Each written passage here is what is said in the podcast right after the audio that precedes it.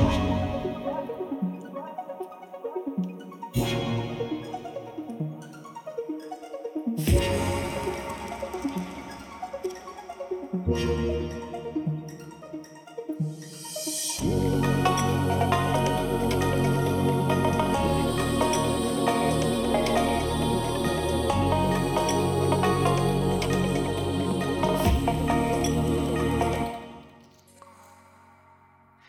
Hej och välkommen till Hotspot! Idag ska vi tala om dagens feminism, om unga män som känner sig utanför, dating, om kärnfamiljen har en fortsatt framtid och om kön är en social konstruktion eller inte. Tonen som skildrar relationer mellan män och kvinnor uttrycker många gånger krigsrubriker. Är vi mitt i en nyttig korrigering mellan könen eller leder dagens hårda ord till ett större gap mellan män och kvinnor? Vi ska tala om dessa frågor med Sara Karlsson och Olof Edsinger. Sara är krönikör på tidningen Världen idag och tillsammans med sin man organisationen Ungdom med uppgift, Sverigeavdelningen. Olof är generalsekreterare för Svenska Evangeliska Alliansen och författare av flertal böcker i ämnet familj, sex och könsfrågor.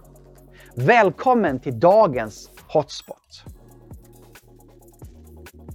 Hej och välkommen till Hotspot! Tack så mycket. Sara Karlsson och Yes. Olof Edsinger. Yes. Du har varit här förut Olof, två program. Och Sara, du är ny bekantskap till Yes. Hotspot. Du är ju krönikör på tidningen Världen idag. Ja, det är jag. Och vad skriver du för ämnen där? Jag tar lite allt möjligt. Jag rör mig ganska mycket på samhällsområdena men jag tycker väldigt mycket om det med familj, barnuppfostran, könsfrågor, de här ämnena. Mm. Och du är fyrabarnsmamma också. Ja, men precis. Det är Kul. bland det roligaste som finns. Ja, härligt. Ja. Och Olof, eh, du har ju skrivit några böcker i det ämne vi ska tala om idag. Du Absolut. tangerar i alla fall ämnet. Mm. Eh, nej, men jag har betat av lite olika saker. Eh, en bok om queerideologin och normkritiken. Uh, där kommer vi också in på transfrågorna som är väldigt heta just nu.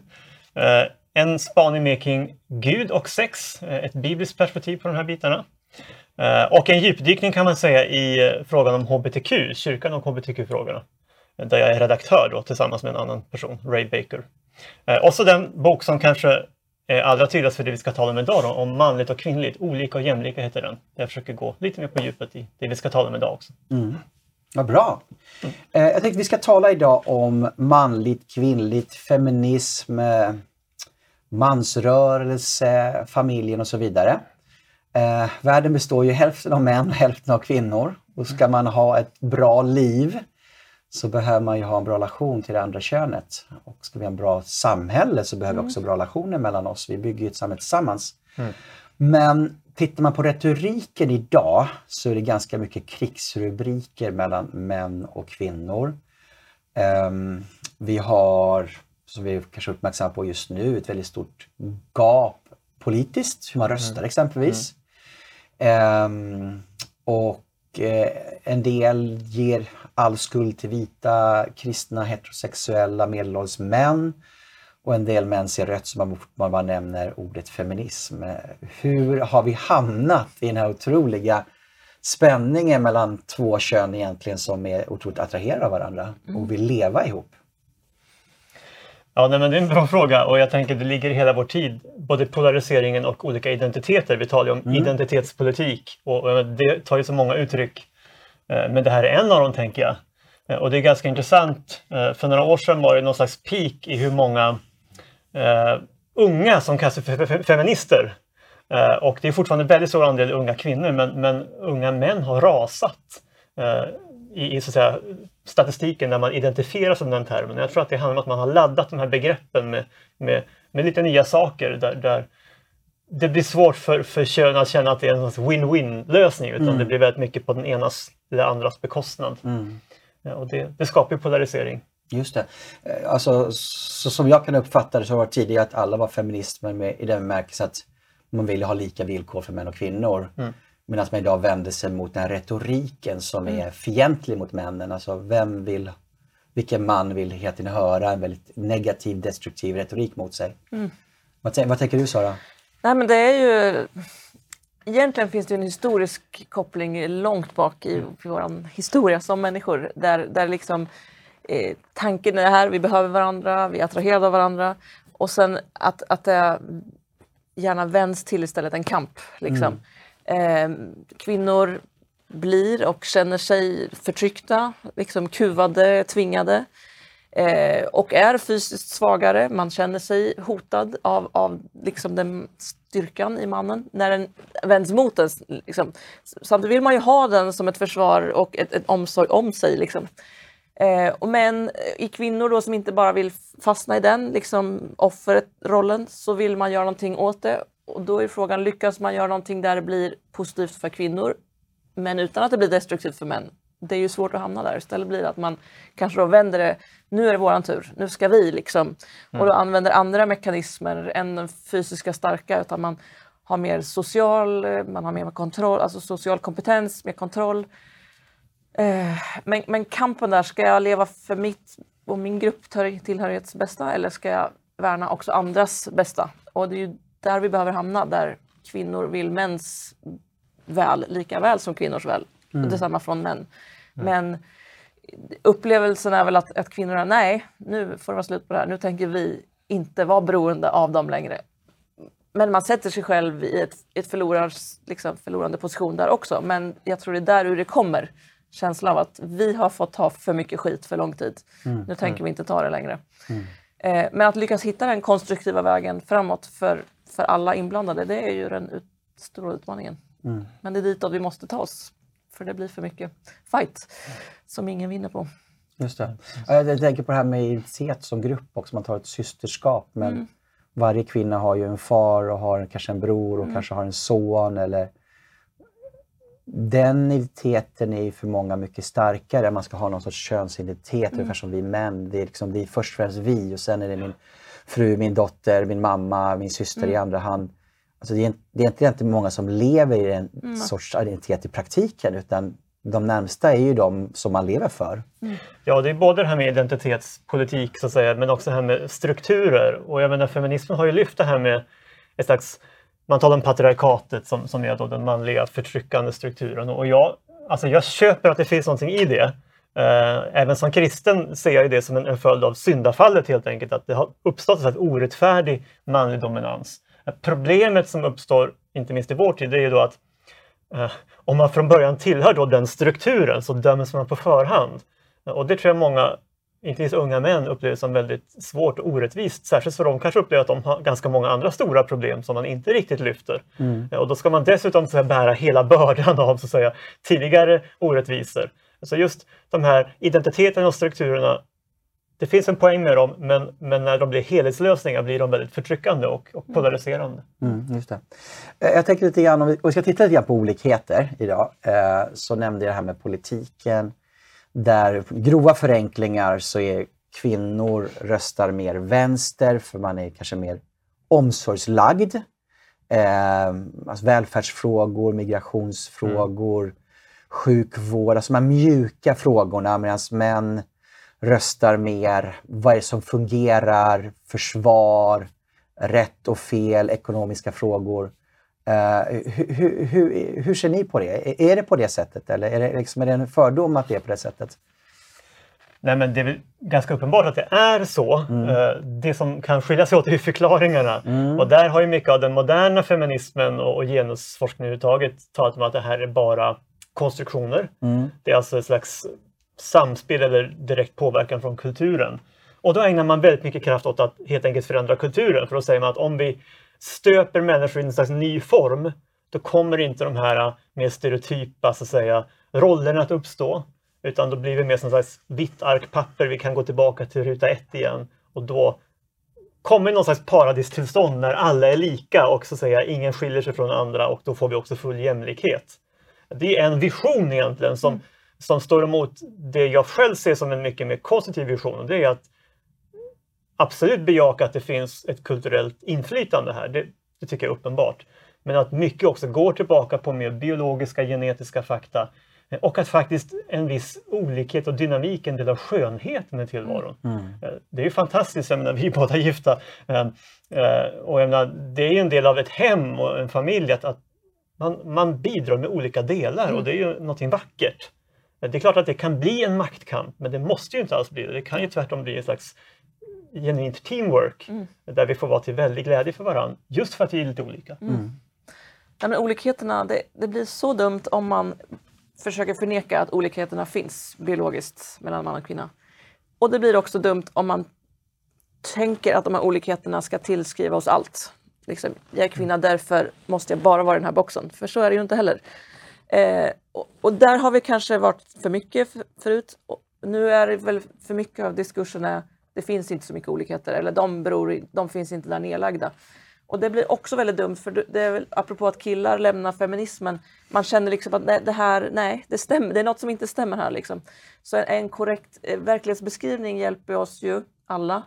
Det finns väldigt mycket likheter mellan män och kvinnor. Vi har två ögon. Vi har, alltså, på det yttre och på det inre så är vi, finns väldigt mycket likheter. Men det finns genuina olikheter som ska du få ett jämlikhet, en jämlikhet så behöver du också beakta de olikheter som finns. För att ge lite olika förutsättningar. Men det kanske kan ske på gruppplan och inte i exakt individplan. Att till exempel i utbildning, eh, om vi säger att det är mer manligt att vara tävlingsorienterad. Att kunna erbjuda tävlingsmoment i matematikutbildning, det är bra för det stimulerar den gruppen av människor som stimuleras av tävlingsmoment. Det är ofta killar, men det, varför säga att alla killar måste vara med i tävlingen, alla tjejer får inte vara med i tävlingen? Det är en dum applicering. Det är bättre att säga, det finns, man kan få välja att vara med i mattetävlingen. Vilka vill göra det? Och det finns tjejer som vill vara med där, det finns killar som inte vill vara med där. Men att, att liksom eh, generellt kanske det finns mer killar som eftersträvar mer tävling, enkel fokus och tjejer vill ha generellt då fler tjejer vill ha sammanhang, detalj, liksom.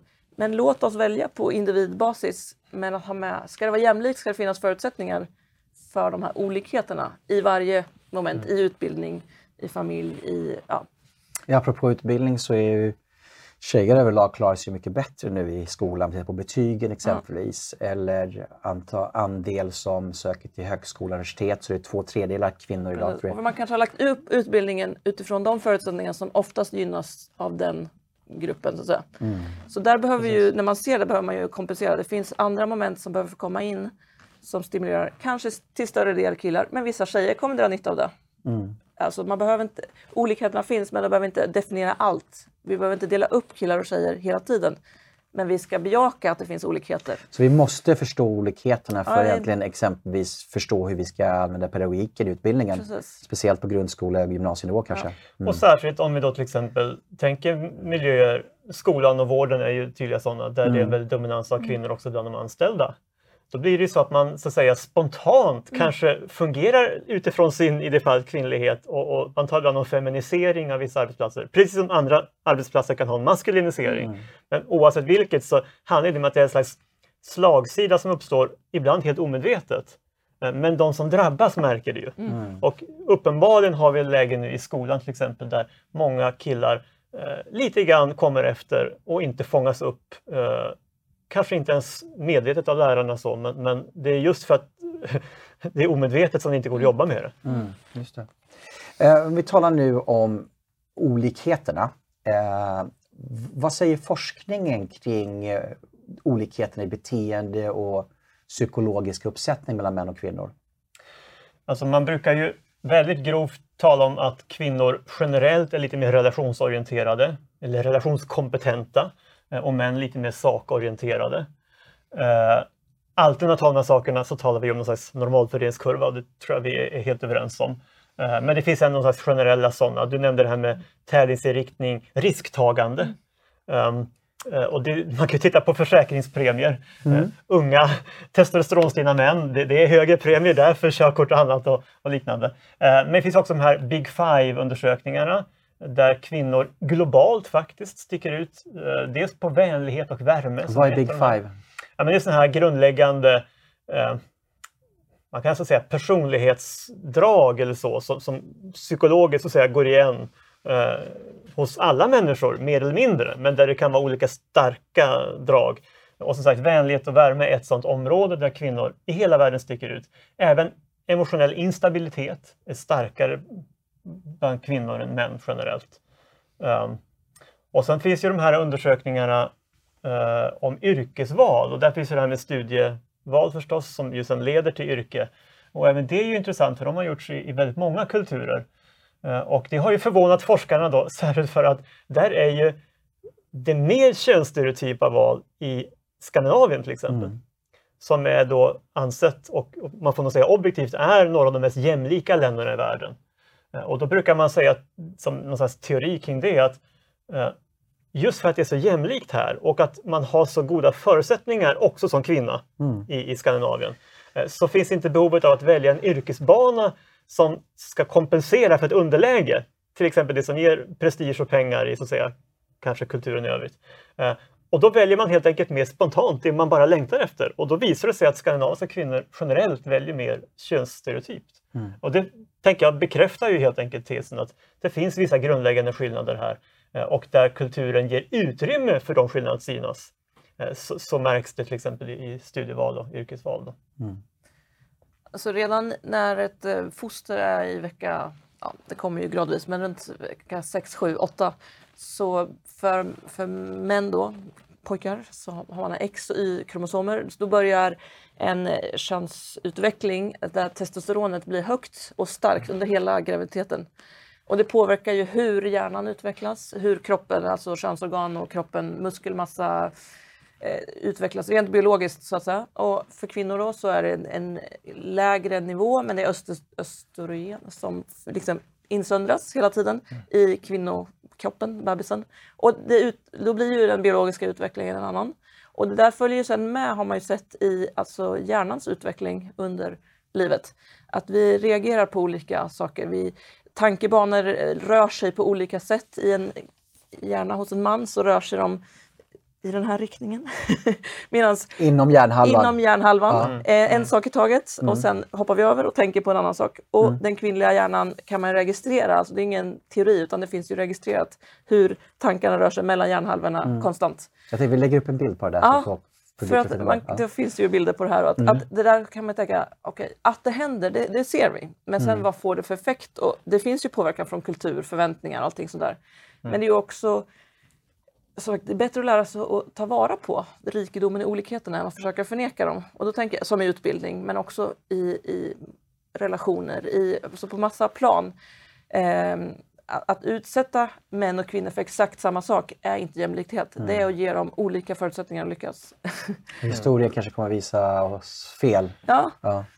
Det som just historiskt har varit en av de stora diskussionerna det är mm. ju det här med intelligens. Mm. Eh, och det kan man ändå säga att första vågens feminism, alltså kvinnorörelsen på 1800-talet, den var ju med och punkterade den myten att, mm. att, kvinnor och män skulle ha olika intellektuell kapacitet. Så att säga. Så man kämpade för ja, rösträtt förstås, men också att man skulle få tillgång till eh, ja, men högre ämbeten och, och, högre utbildning och liknande. Ja, och det är ju någonting som, som var väldigt angeläget och, och, och, bra, den kampen man, man bedrev. Sen kan man ju än idag se då att eh, kvinnor generellt är lite mer jämna just kring intelligens. Eh, där männen har en liten grupp som avviker med att de är underbegåvade och också en liten grupp på den här normalfördelningskurvan som avviker för att de är lite nästan överbegåvade. Mm. Så bland så att säga eh, Nobelpristagarnivån så att säga, eh, tycks det vara lite överrepresentation av män. Men också bland så att säga, de som drar det kortaste strået i, mm. i samhällsbygget. Och att kvinnor är då lite mer jämnt fördelade i, i, i mitten. Men det är jag menar, än en gång, det finns naturligtvis enstaka exempel på precis allt på den där skalan. Mm. Men det har man ändå sett man, gång på gång i undersökningar. Det, man kan generalisera och likaså se att det är fler män i fängelser. Ja. Eh, det är fler män som representeras då i, bland VDs, bland mm. de största bolagen i världen och så vidare. Jag, För mig sticker det ut mycket, om jag liksom tar det rent på praktisk nivå, kvinnor söker ju mycket mer av sammanhang mm. och liksom det här just hur allting får hänga ihop och, och hur det är viktigt. Och, och, för män då liksom det här fokuseringen, alltså för mig är det så sport, man, man kan liksom, man, nu är det fotbollsmatch, den här bollen ska in i det där målet. Liksom. Det är allt som är viktigt i de här 90 minuterna. Liksom, det är det här som är viktigt just nu. Sen går man vidare och gör någonting annat. Jag tror att eh, när man som kvinna ser en fotbollsmatch, det här finns ju som vanligt avvikelser, det finns kvinnor som är väldigt fokuserade, men, men liksom gruppmässigt, så är man lite så här, ja intressant en match liksom, men just det, tvätten slutar nu och just imorgon är barnens eh, kör och liksom, allt händer där samtidigt. Så det blir lite mer av det här sammanhanget. Man, man, har lite, man är ju, sitter ju lite fascinerad, hur kan han vara så extremt... Alltså, världen finns inte utanför den här fotbollsmatchen i just de här 90 minuterna. Liksom. För mig finns världen hela tiden. Liksom. Mm. Och jag tycker det bara, när, när man lyckas få det här som du säger, samarbete på den positiva skalan så är det ju jättekul och jättehäftigt. Men när man väl börjar störa sig på den andras, då kan man ju bli galen, alltså mm. från båda håll. Mm. Varför kan hon inte... Liksom, nu är det en match. Liksom. Mm. det är det viktigaste som, i världshistorien just nu. Liksom. Kan vi fokusera på det här? Skit i tvätten. Liksom. Mm. Nej, det ska dras in tvätt och det ska dras in skjutsningar. Men liksom, så börjar man väl... Det där ser man ju i ett, en parrelation. Börjar man mm. väl gå i kamp, då blir mm. man ju galen på den mm. andras olikheter. Väljer man att, eller klarar man att, att få in det i kärlek och bekräftelse, liksom, han ska få fokusera nu de här 90 minuterna. Mm. Jag kan liksom styra upp lite här under tiden. Och sen, alltså, då blir det berikande, men man kan också bli totalt galen. Och det är det jag ser på makronivå, feminism mm. mot mansrörelse. Om vi börjar tillåta det här, liksom, det är så irriterande, det är så förtryckande, det är så styrande. Mm. När vi liksom som grupper drar oss ut på det här, alltså det blir starka krafter Mm. Frustration, alltså precis som kan hända i ett äktenskap kan ju också hända på kollektiv nivå. Man mm. känner sig kränkt, man känner sig inte respekterad, man känner sig ovärderad, man känner sig avvisad. Och när de krafterna drar igång och på gruppnivå, det är starka grejer som händer. Så vi behöver liksom också förstå att som grupp behöver vi gynna vår relation, man och mm. kvinna, även på gruppnivå. Jag, jag, tänkte på Magdalena Andersson, liksom. Mm. grattis, du har vunnit. Att män skulle uttrycka genuint, vi är verkligen glada vad kul, du kommer ju bidra med saker som ingen annan har gjort som statsminister.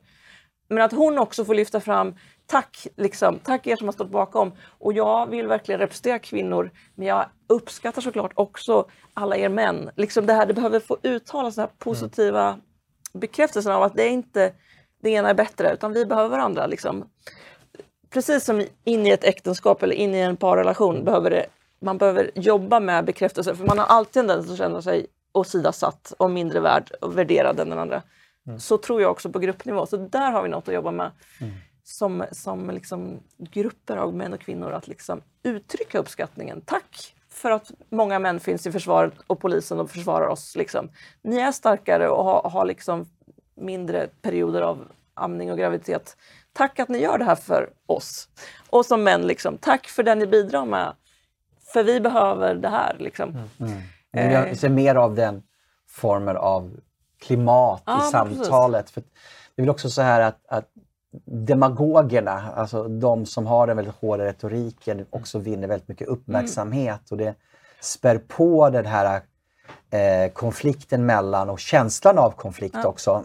Ja, och där har ju tyvärr ändå den här konstruktivismen varit ett, ett problem. Alltså mm. Jag sympatiserar ju som sagt i grunden med väldigt mycket av den klassiska feministiska mm. kampen. För mig är den egentligen en fråga om jämlikhet, mm. inte om så att säga, kvinnofrågor bara, utan det är ju allas frågor. Mm. Uh, men jag minns jag läste en, en, statlig undersökning om förskolan mm. uh, där man bland annat hade en lång diskussion om varför man skulle tala om att det fyllde någon funktion att män fanns i förskolans värld. Och de kom fram till då att det fyller ingen funktion, för män och kvinnor har ju samma sak att bidra med, alltså behöver vi inte ens jobba på saken. Eh, och det är en ganska anmärkningsvärd slutsats mm. i en statlig utredning. Eh, och det är klart att en man som hör det får ju i princip höra att du har ingenting att bidra med som, som är värdefullt eh, utöver att du är människa. Mm. Eh, och då blir ju manlighet så att säga någonting nästan ja, men, icke-existerande mm. eller skamligt till och med.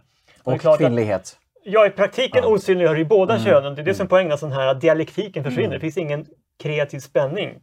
Och jag kan också tänka att, att det här talet om, om kvotering som ju i vissa lägen säkert kan vara motiverat om, om man har en, en problematisk ojämvikt i vissa situationer. Men, men eh, eh, ibland finns det också en slags attityd av att vi måste få 50-50 utfall eh, för att liksom, då skapar vi någon slags ny mänsklighet där, där, där vi inte längre ser några skillnader. Mm. Eh, och, och, då tänker jag, då har man ju lämnat väldigt mycket av forskning i både biologi och psykologi och sociologi och alla möjliga discipliner. Mm, Eh, Och Vad det, det blir ovetenskapligt och, och det blir framförallt, det, det funkar ju inte. Men i Sovjettiden talar man ju väldigt mycket om att skapa en ny människa. Det var väldigt Mm. fokus på den nya människan. Och just i Sovjettiden så försökte man ju till en början slå sönder kärnfamiljen också. Ja. För att man ansåg att det var en borgerlig institution och, och cementerade någonting man inte ville bejaka längre. Men det blev ju kaos efter bara några år. Och då kom ju ett nytt påbud uppifrån där man blev väldigt så här, konservativ i de frågorna. Men man, man försökte ju faktiskt även där. Mm. Jag tänkte på när du sa med kvotering, att vad heter det här Jämställdhetsverket? Heter det? Där man har hög procent, alltså en- ojämlikheten på departementet är ju extremt. liksom. Det är också så här, vänta nu, hur gick det till? Skulle vi inte kvotera? Eller när vi struntade i det där, just här blev det i princip bara kvinnor som jobbar på jämställdhets... Det var lite otaktiskt kanske. I rekryteringsfasen. Just det. Eh, jag frågade min son här innan vad, vad han tänker på när relationer mellan män och kvinnor. Han är 16 år då. Och hur, hur är relationen mellan er unga? Sådär. Så att, han tyckte att relationen var väldigt bra. Det var en bra stämning mellan pojkar och flickor.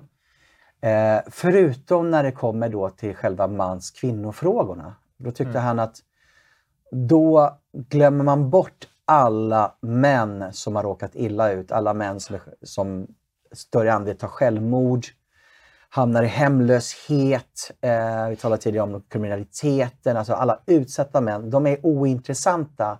Och de enda män man fokuserar på, det är den här otroligt lilla procentilen som då är miljardärer och väldigt framgångsrika och, och, och, och, då, och så använda på ett negativt sätt.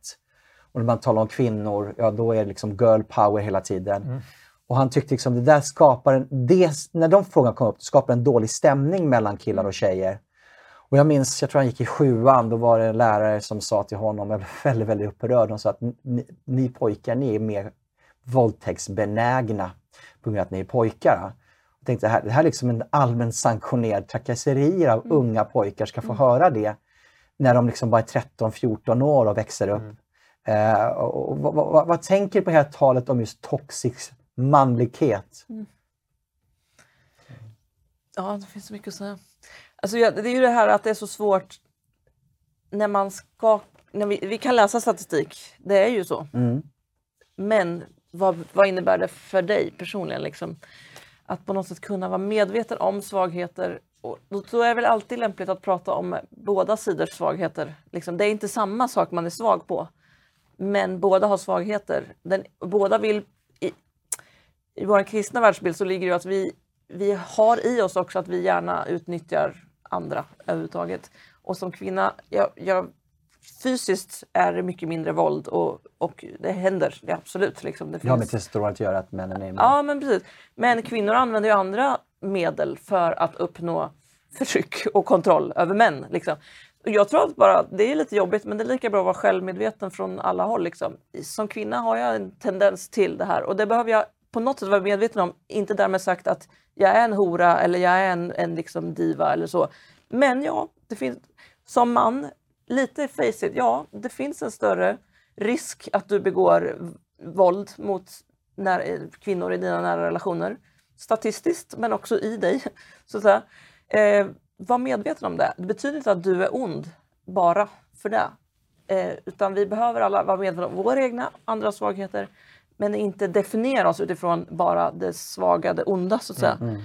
Eh, och det är, väl liksom, det är väl förmågan att lyfta fram det i ett samtal som i en klass eller i samhällsdebatt i media. Det är inte helt lätt men det är väl där vi behöver hamna tänker jag. Att alla av oss bär på svagheter och styrkor. Liksom. Lyft inte bara det ena perspektivet hela tiden för det blir på bekostnad av någon annan. Liksom. Jag bara tänker på att man använder så grov bild som våldtäkt. Ja. Alltså alla, ja, i princip alla, både män och Mm. kvinnor, tycker att våldtäkt är något det värsta man kan utsätta en annan människa Ja. för. För att det, det är så djup kränkning. Men det här har varit en stor debatt på, på universitetscampus utomlands om, om, om vi har så att säga, en, ja, en generell våldtäktskultur som sanktioneras. Och där det har varit en del av liksom, det stora narrativet att man måste säga ja på den frågan. Ja, vårt system legitimerar våldtäkt. Och håller man inte med så anses man då vara antifeministisk. Så att säga. Ja, och det är klart att det skapar ju också polarisering för det är rätt många män som känner sig extremt främmande för det. Men det är naturligtvis lika självklart att det är ju hög, högsta grad män som är överrepresenterade både när det gäller eh, grovt våld och våldtäkt. Eh, sen finns det ju faktiskt forskning som visar att eh, det är ganska vanligt med kvinnor som misshandlar sina män också. Mm. Eh, snudd på jämförbart i omfattning, eh, om jag har förstått statistiken rätt. Men det är klart det får mycket mindre konsekvenser, för de har inte samma fysiska övertag. Så det är mycket värre på det sättet eh, med, med, med det våld som begås av män. Men det är också att våld av män begås ju ofta mot män. Så de som misshandlas är ju i väldigt hög grad också män eh, ute på gator och liknande. Så att. Eh, så att det finns många, många bilder där. Men, Mm. men som sagt, det finns inget som helst skäl att, att försvara vare sig kvinnomisshandel eller någonting annat. Det är väl Mm. just det här när det blir så enkelspårat, Ja, att det bara är det ena könets fel. Ja. Då, då, för då känner sig alltid den grupp som målas ut som boven lite orättvist behandlad. För Ja. de kan nästan alltid också ge exempel på att men vänta nu, det där var också ganska oschysst. Jag, jag tycker det är, det är en sak att prata om att vissa män är då överrepresenterade i viss sorts problematik och kvinnor en annan. Men när just använder giftigt, alltså den Ja. giftiga manligheten, ja, men då kan vi tala om den giftiga kvinnligheten. Ska, liksom, ska vi hamna där i vårt samtal med varandra istället för att samtala om att vi har problem vi måste jobba med för att skapa ett bättre samhälle och bättre relationer med varandra. Och det intressanta är att Mm. det finns ju båda varianterna om vi tar ytterligheterna. Alltså, den giftiga manligheten är väl då psykopaten som Ja. Mm. är överrepresenterad av, av bland män och som också är mycket överrepresenterad bland våldsbrottslingar. Mm. Eh, Men vi har ju också, alla som har sett Disney-filmerna känner till de onda drottningarna och häxorna. Alltså, det finns den stereotypen också som är då den typiskt kvinnliga motsvarigheten. Eh, Så det är samma sak där. Låt oss då vara ärliga med att säga att det finns båda Mm. eh, ytterligheterna och vi tycker inte om något dera och vi behöver motverka båda dragen så att säga, hos varandra och hos själva. Just det. Eh, bara fortsätta lite kort på det här temat då. Eh, och, och, eh, när jag pratade med en, en av mina andra söner då, han hade en kompis som gick på Stockholms universitet nu och då var det en av de manliga föreläsaren som sa att det är männen som skapar krig och det är kvinnorna som, som drabbas mest av det. Eh, jag vet inte om det finns någon belägg för det, för jag menar, vi har haft kvinnliga regenter och de har troligtvis haft lika mycket krig som dem. Och männen har ju mest dött i krigen och kvinnorna har också självklart, alla lider ju av ett krig. Men jag tänker på att det finns kanske någon opportunism också hos vissa män att haka på en trend. Eh, speciellt män kanske då i, i höga positioner. Att, att det finns en belöning att haka på de här trenderna. För som Kapten Klänning liksom talade om feminism och sen så våldtog han unga tjejer samtidigt. Att, att, att, att, att eh, man hakar på det här lite grann nu också för att det finns fördelar med att, att göra det. Ja, troligtvis, jag tror lite den toppen faktiskt är passerad. För som Mm. du sa, för ett par år sedan då var, det liksom, då var det nästan givet. Nu har flera ifrågasatt. Men för ett par år sedan då var det lite så här, är du inte feminist, men då är du ju verkligen vit, rik, vill bara utnyttja alla. Liksom, det var som att, men jag tror att det, det där lite grann håller på att vända. Att man, det nyanseras upp liksom lite, så det är inte, det är inte bara glorious med allt med feminism. Men troligtvis finns det ju män som i den eh, tiden, så att säga, den, i den eran var, ja men absolut, jag är ju jättefeminist liksom. Jag är ju, ja, och vad man nu menar med det, det finns ju så sagt positiva delar av, av feminismen som vi har nämnt. Men det här extrema liksom där man också då, det går ut på att nu är det kvinnornas tid att ta igen allt som är förlorat. Och vi män ska lägga oss och vi ska liksom, det är ju... Det är väl allt som blir könskrig som blir problematiskt oavsett vem som har övertaget. Det, så tänker jag. Alltså, jag kan som sagt ha stor respekt och förståelse för, för orättvisor och orättfärdiga handlingar. Det ska aldrig försvaras. Men, men när lösningen blir krig eh, så blir det alltid någon som förlorar. Och jag, jag är mer ute efter win-win lösningar. Hur kan vi liksom hitta korsbefruktningarna där vi gläds åt olikheterna? Eh, och där vi är, ja, hedrar varandra helt enkelt med våra olikheter och, och naturligtvis också inser att vi har väldigt mycket gemensamt. Det, Ja. det är ju så självklart att det behöver inte sägas. Det mesta är ju gemensamt mellan könen. Och ge frihet inom varje grupp. Inom kvinnor det finns frihet att vara kvinna på väldigt många olika sätt. Det behöver inte, det behöver inte se ut alls. Vi behöver inte smalna av det särskilt mycket överhuvudtaget. Liksom, utan jag har två X-kromosomer, därför är jag kvinna. Sen kan det se ut väldigt olika i olika tider. Det kan se liksom, mer tävlingsinriktat och allt möjligt. Eller så ser det väldigt feminint ut och liksom det är smink. Alltså tjejer till exempel i 3 till 4 års ålder har ju en sån här feminin eh, topp. Mm. Där de ska liksom, de vill ha rosa, de vill ha klänningar, de vill... Och, och du vet även de fem familjerna som jobbar hårt för att det inte ska finnas rosa prylar i hemmet står sig ju slätt i de här åldrarna därför att östrogenet bara rasar uppåt i treårsåldern. Liksom. Och då vill de ha klänningar, då vill de ha, men låt dem ha det, det är helt okej. Sen kommer en annan tid när de är 9-10, det är inte alls, då har inte de det behovet av att framhäva sin kvinnlighet alls. Nej, men det ska inte vara press på att kvinnlighet ser ut så här. Jag är kvinna därför att jag har två X-kromosomer i mitt DNA. Och då är jag det. Sen kan det se jätteolika ut. Släpp fram den friheten. För samma för män. Liksom XY, du är man. Sen hur det ser ut i olika delar av livet, i olika omständigheter.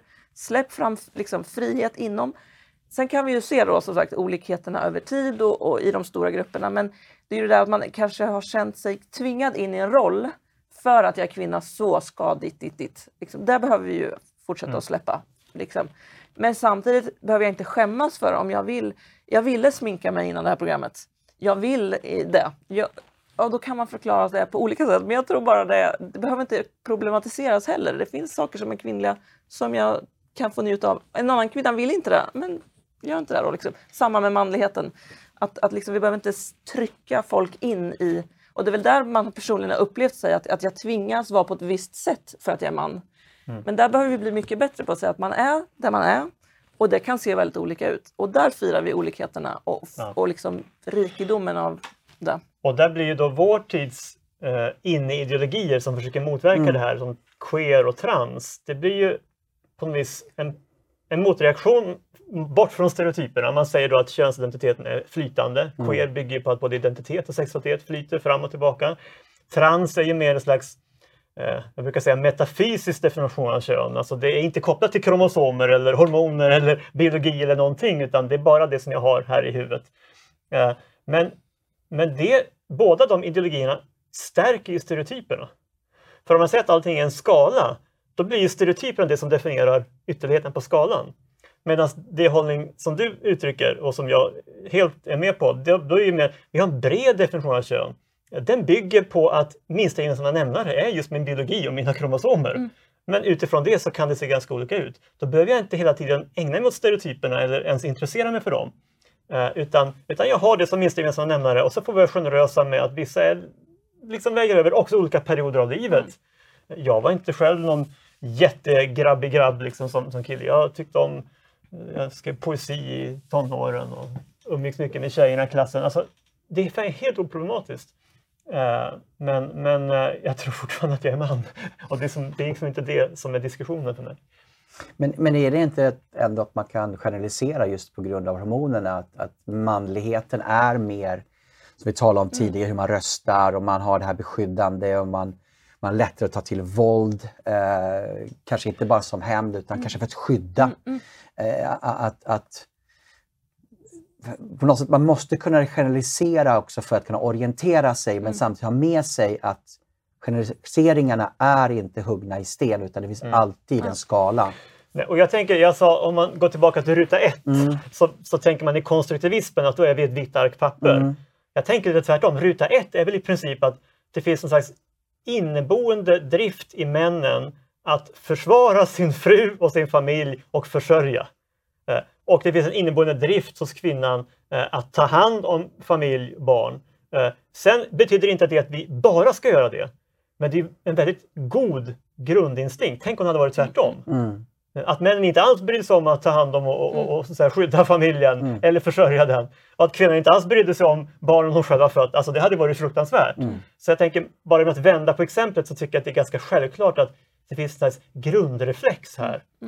Och lika självklart, vi har olika intressen. Alla kvinnor älskar inte att vara med barnen och alla män vill inte göra det, det de traditionellt har gjort heller. Alltså, som sagt, det, det är inget som bekymrar mig. Men, men stereotyperna blir förtryckande men de har ju också en orsak. Det finns någon slags generella erfarenheter som har format dem. Mm. Vore väldigt konstigt annars. Ja, just det, precis. Ja, Och lyfta fram det, det är verkligen positivt. Eh, och för mig blev det så eh, uppenbart när jag hade fött mitt första barn. Man sitter där nyförlöst och ammar. Då känner man så här, jag vill inte ut och skaffa mat just nu. Eh, Det skulle inte gå bra. Det är jättebra att min man vill det.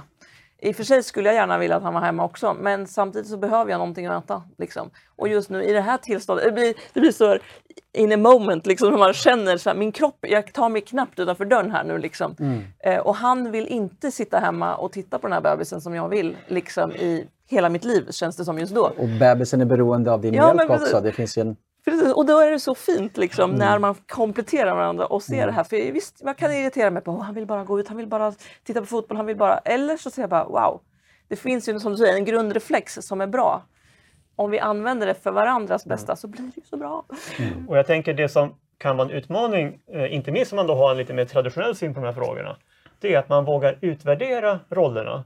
För under småbarnsåren uppstår det ju roller i en familj. Eh, ganska självklart, ganska naturligt. Eh, men risken är att de består även till exempel när barnen är äldre, när de inte faktiskt har samma rationella grund. Och där tänker jag att vi kan behöva utmana oss, att faktiskt ha avstämningar regelbundet i ett äktenskap, i en familj. Eh, är den arbetsfördelning till exempel vi har hemma fortfarande rimlig? Är vi nöjda med den? Eh, Ser vi goda skäl för den? Eh, Och att inse att det där måste få se lite olika ut i olika faser. Mm. Och att varje familj själv får bestämma det också. Eh, Självklart, det är ju också Inte- underförstått. Men, men, men Ni, att, ni det här kommer ovanifrån, nu ska det vara så här Ja. exakt. Ja. Nej. och det ser vi ju, all, all tal om kvotering till exempel av föräldraförsäkring, det är ju en massiv majoritet av befolkningen som är emot det och det illustrerar ju det här att det här är ganska centrala frågor där hemma. Det Och varför ska en minister bestämma hur vi ska ha det i vårt hem? Liksom? Ja. Eh, eh, jag tänker så att det är inte bara kring könsfrågan vi har en kamp och vi delar upp i grupper utan det har med ras och you name it av identitetspolitik. Att egentligen ligger det en, en, en grundsyn som genomsyrar vår tid att, att vi delar upp oss i grupper mellan då dominerande grupper och dom, dominerade grupper. Um, och att, att den här kampen ska vara den som på något sätt skapar rättvisa. Att det, det finns en grupp som är skulden till problemen och en grupp som är lösningen. Det är inte liksom det egentligen som ligger som ett grund under allt det här, vare sig vi talar om kön eller ras eller whatever. Absolut. En av feminismens eh, moderna symboler är ju den knutna näven. Eh, Och, och det är klart, man talar ibland om, om identitetspolitiken som nymarxistisk. Att det finns någonting av den här klassiska kampretoriken som vi känner igen från marxismen. Eh, Just där man faktiskt använde eh, konflikten som den politiska kraften. Man, man ville inte hitta samförståndslösningar. Man ville inte att arbetsgivare och arbetstagare skulle vara förbundet med varandra. Utan man ville att det skulle vara lite konflikt för den kunde användas för politiska syften. Och egentligen är det samma tankegång här som har förts över och det är ingen slump att delar av, av just radikalfeminismen eh, har ju socialistiska rötter. Eh, att, att man har så att säga sett kampen som ett ändamål i sig och, och där, där just polariseringen mellan könen har varit nödvändig för att bedriva den kampen så som man vill. Och det är just det som jag personligen reagerar på. Jag kan sympatisera med många av målsättningarna för kampen.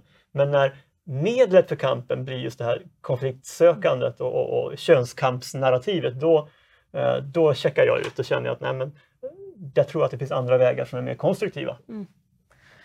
Bitterhet är ju sött i munnen, börjar svida i halsen och brinner när den väl är här nere.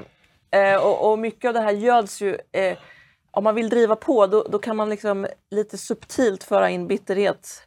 Nej, ska du behöva ta det här? Nej, visst, nu tar vi inte det här längre. Och så i grupper lite så här så börjar man liksom göda varandra lite med och det är ju bitterhet mycket som, som driver de här kamperna mellan olika grupper då, liksom rik-fattig eller hudfärg eller så här. Ah, vi är offer, jag är offer, vi är offren. Och så börjar, det där smakar ganska gott i munnen på något sätt. I, i första läget så, mm, yes, liksom, jag får något i ryggen. Men när det där får bo kvar här inne, då, då äter det ju en upp inifrån. Liksom. Så allt från individnivå till upp till makronivå, se upp med när det är väldigt synd om mig utifrån alla möjliga faktorer. För jag är väldigt utsatt. Alltså när det, det, det finns situationer när man har blivit utsatt för saker, det behöver bearbetas, bekännas, alltså så här, få ett namn. Men när det blir ett grunddriv, då kommer det till slut Ja, det blir mycket frustration, mycket trötthet. Alltså det där äter en människa inifrån när man ser sig som offer. Eh, och det, det används ju så mycket, offerkoftan. Liksom. Istället använd, se på vad jag har, se på vad jag kan ge, vad jag har fått, vara tacksam och, och se vad kan jag göra för att hjälpa någon annan istället. Och där tänkte jag på att prata om alltså mansrörelser och att vi har ju den här obalansen då mellan hur många män och kvinnor vi har i till exempel i vårt samhälle. Att, att det finns fler män beroende på invandring och, och födelsestatistik och så här. Så ja, det finns ju en, en svårighet vi står inför. Att det finns män, om vi tänker åt monogama äktenskap så fattas det kvinnor så att säga för att alla ska få någon att gifta sig med. Och då är frågan, ska man ta det in i en bitterhet liksom, mot kvinnor vill inte ha oss, vi får inte, eller ska jag använda kraften till att göra gott för andra? Se på det positiva. Det är klart det kan låta klyschartat, tänk positivt. Men, men ändå, jag kan använda kraften väldigt negativt och göra mig själv till, se mig själv i offersituationen. Det är inte jätteattraktivt på marknaden. Om man typ säger så. incels. Ja. Som man, ja, Ja, men precis. Mm. Eller kan jag säga, jag är man, jag har inte möjlighet att ha en relation just nu. Vad ska jag göra med mitt liv? Sitta hemma och gräva ner mig eller ska jag gå ut och hjälpa tant Agda som behöver hjälp att handla? Eller den ensamstående kvinnan som, som faktiskt behöver hjälp att skotta ut bilen. Liksom. Det där tror jag, i i många av de här kamperna så kan man från mediahåll göda på bitterheten för det känns lite gött just i, i första läget men det kan bli väldigt destruktivt. Alltså, om vi går in på det här med incels och så, så jag tror att i världens största incelgrupp på Facebook så är proportionellt sett svenskarna mest representerade. Det är störst andel cels- incels, om man tittar på den bara. Då. Och vi har ju störst andel ensamhushåll i den här staden i Stockholm i hela världen. Eh, vad ska män göra? Alltså, Du säger att de ska gå och hjälpa tant Agda och så vidare, men, men det till, det, det, ensamheten är ju kvar. Och om man tittar på datingappar och så, så är det ju är det, är det 20% av alla männen är nästan princip alla kvinnor attraherade av. Eh, Medan männen är mycket mindre kräsna när det kommer till kvinnor. Eh, så att du har vissa män som kan få vem som helst och så har du en väldigt stor andel män som inte är s- efterfrågade. Eh, Det här det här måste ju skapa en otrolig social bomb just nu och framåt och att, att bara säga till män, ja, men sluta vara bittra. Liksom. Men kanske en del av de här pojkarna har diagnoser, har svårt med sociala relationer, är ensamma, har varit ensamma, de har inte haft så många kompisar och så vidare. Alltså hur, hur hanterar vi det här? För det här är, det här är ett riktigt stort problem som växt fram. Verkligen, och det är ett globalt problem. Alltså, Ja. Vi har ju så att säga, en dimension av det här i Sverige, men tittar vi globalt i länder som Kina och Indien finns det ett enormt mansöverskott. Mm. Och det är för att man eh, gör abort i så hög grad på flickfoster. Eh. Mm. Eh, så att eh, det är ju i den meningen ett, ett självskapat problem kan man också säga. Det är ju inte bara en slump att det blev så här utan det är ju faktiskt att, att man har tagit livet av så många ofödda flickor. Eh, och det förtjänar faktiskt också att nämnas.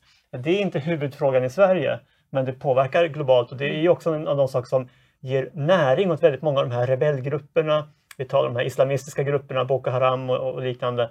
Det är ju ogifta, arga unga män.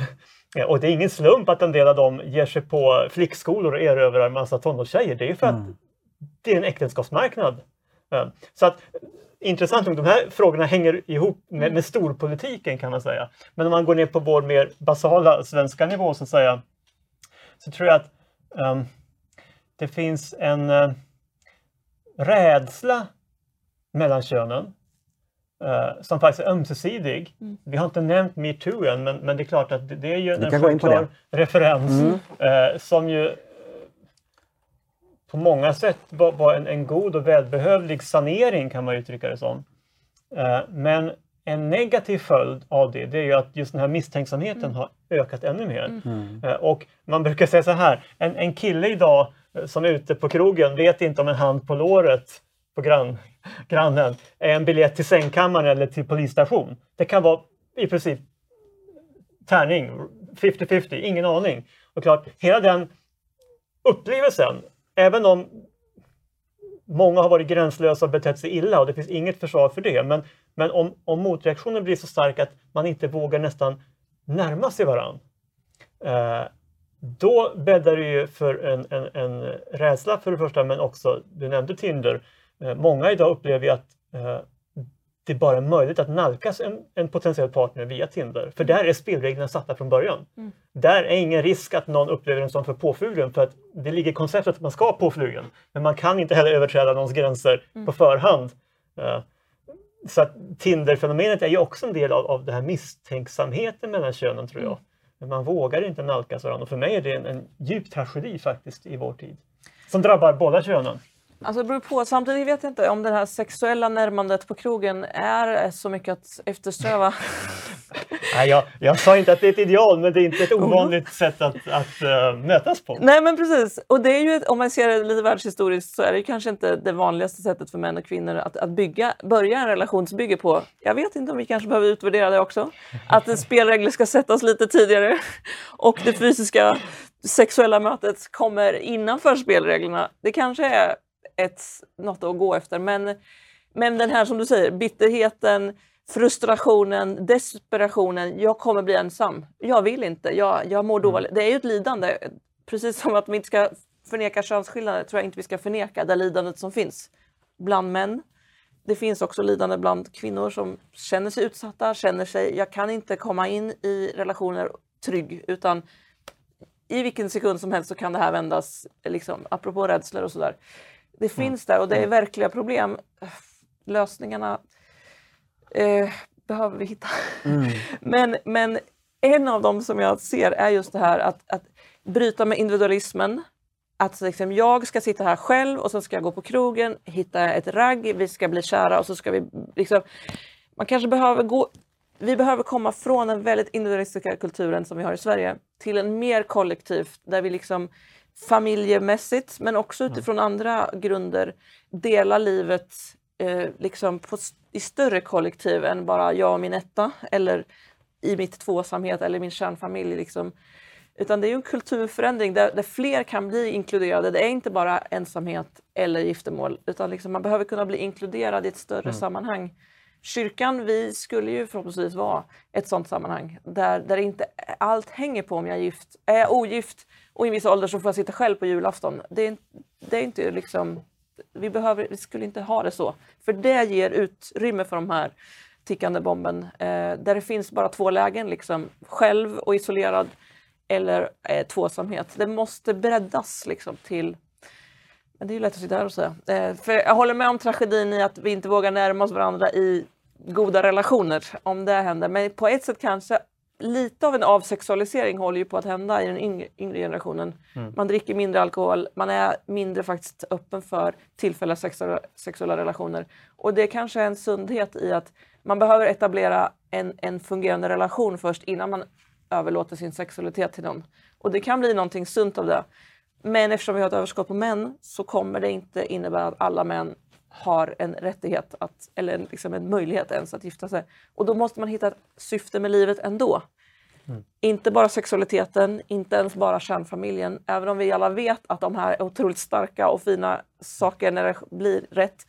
Men livet har högre syften även utan äktenskap eller sexualitet.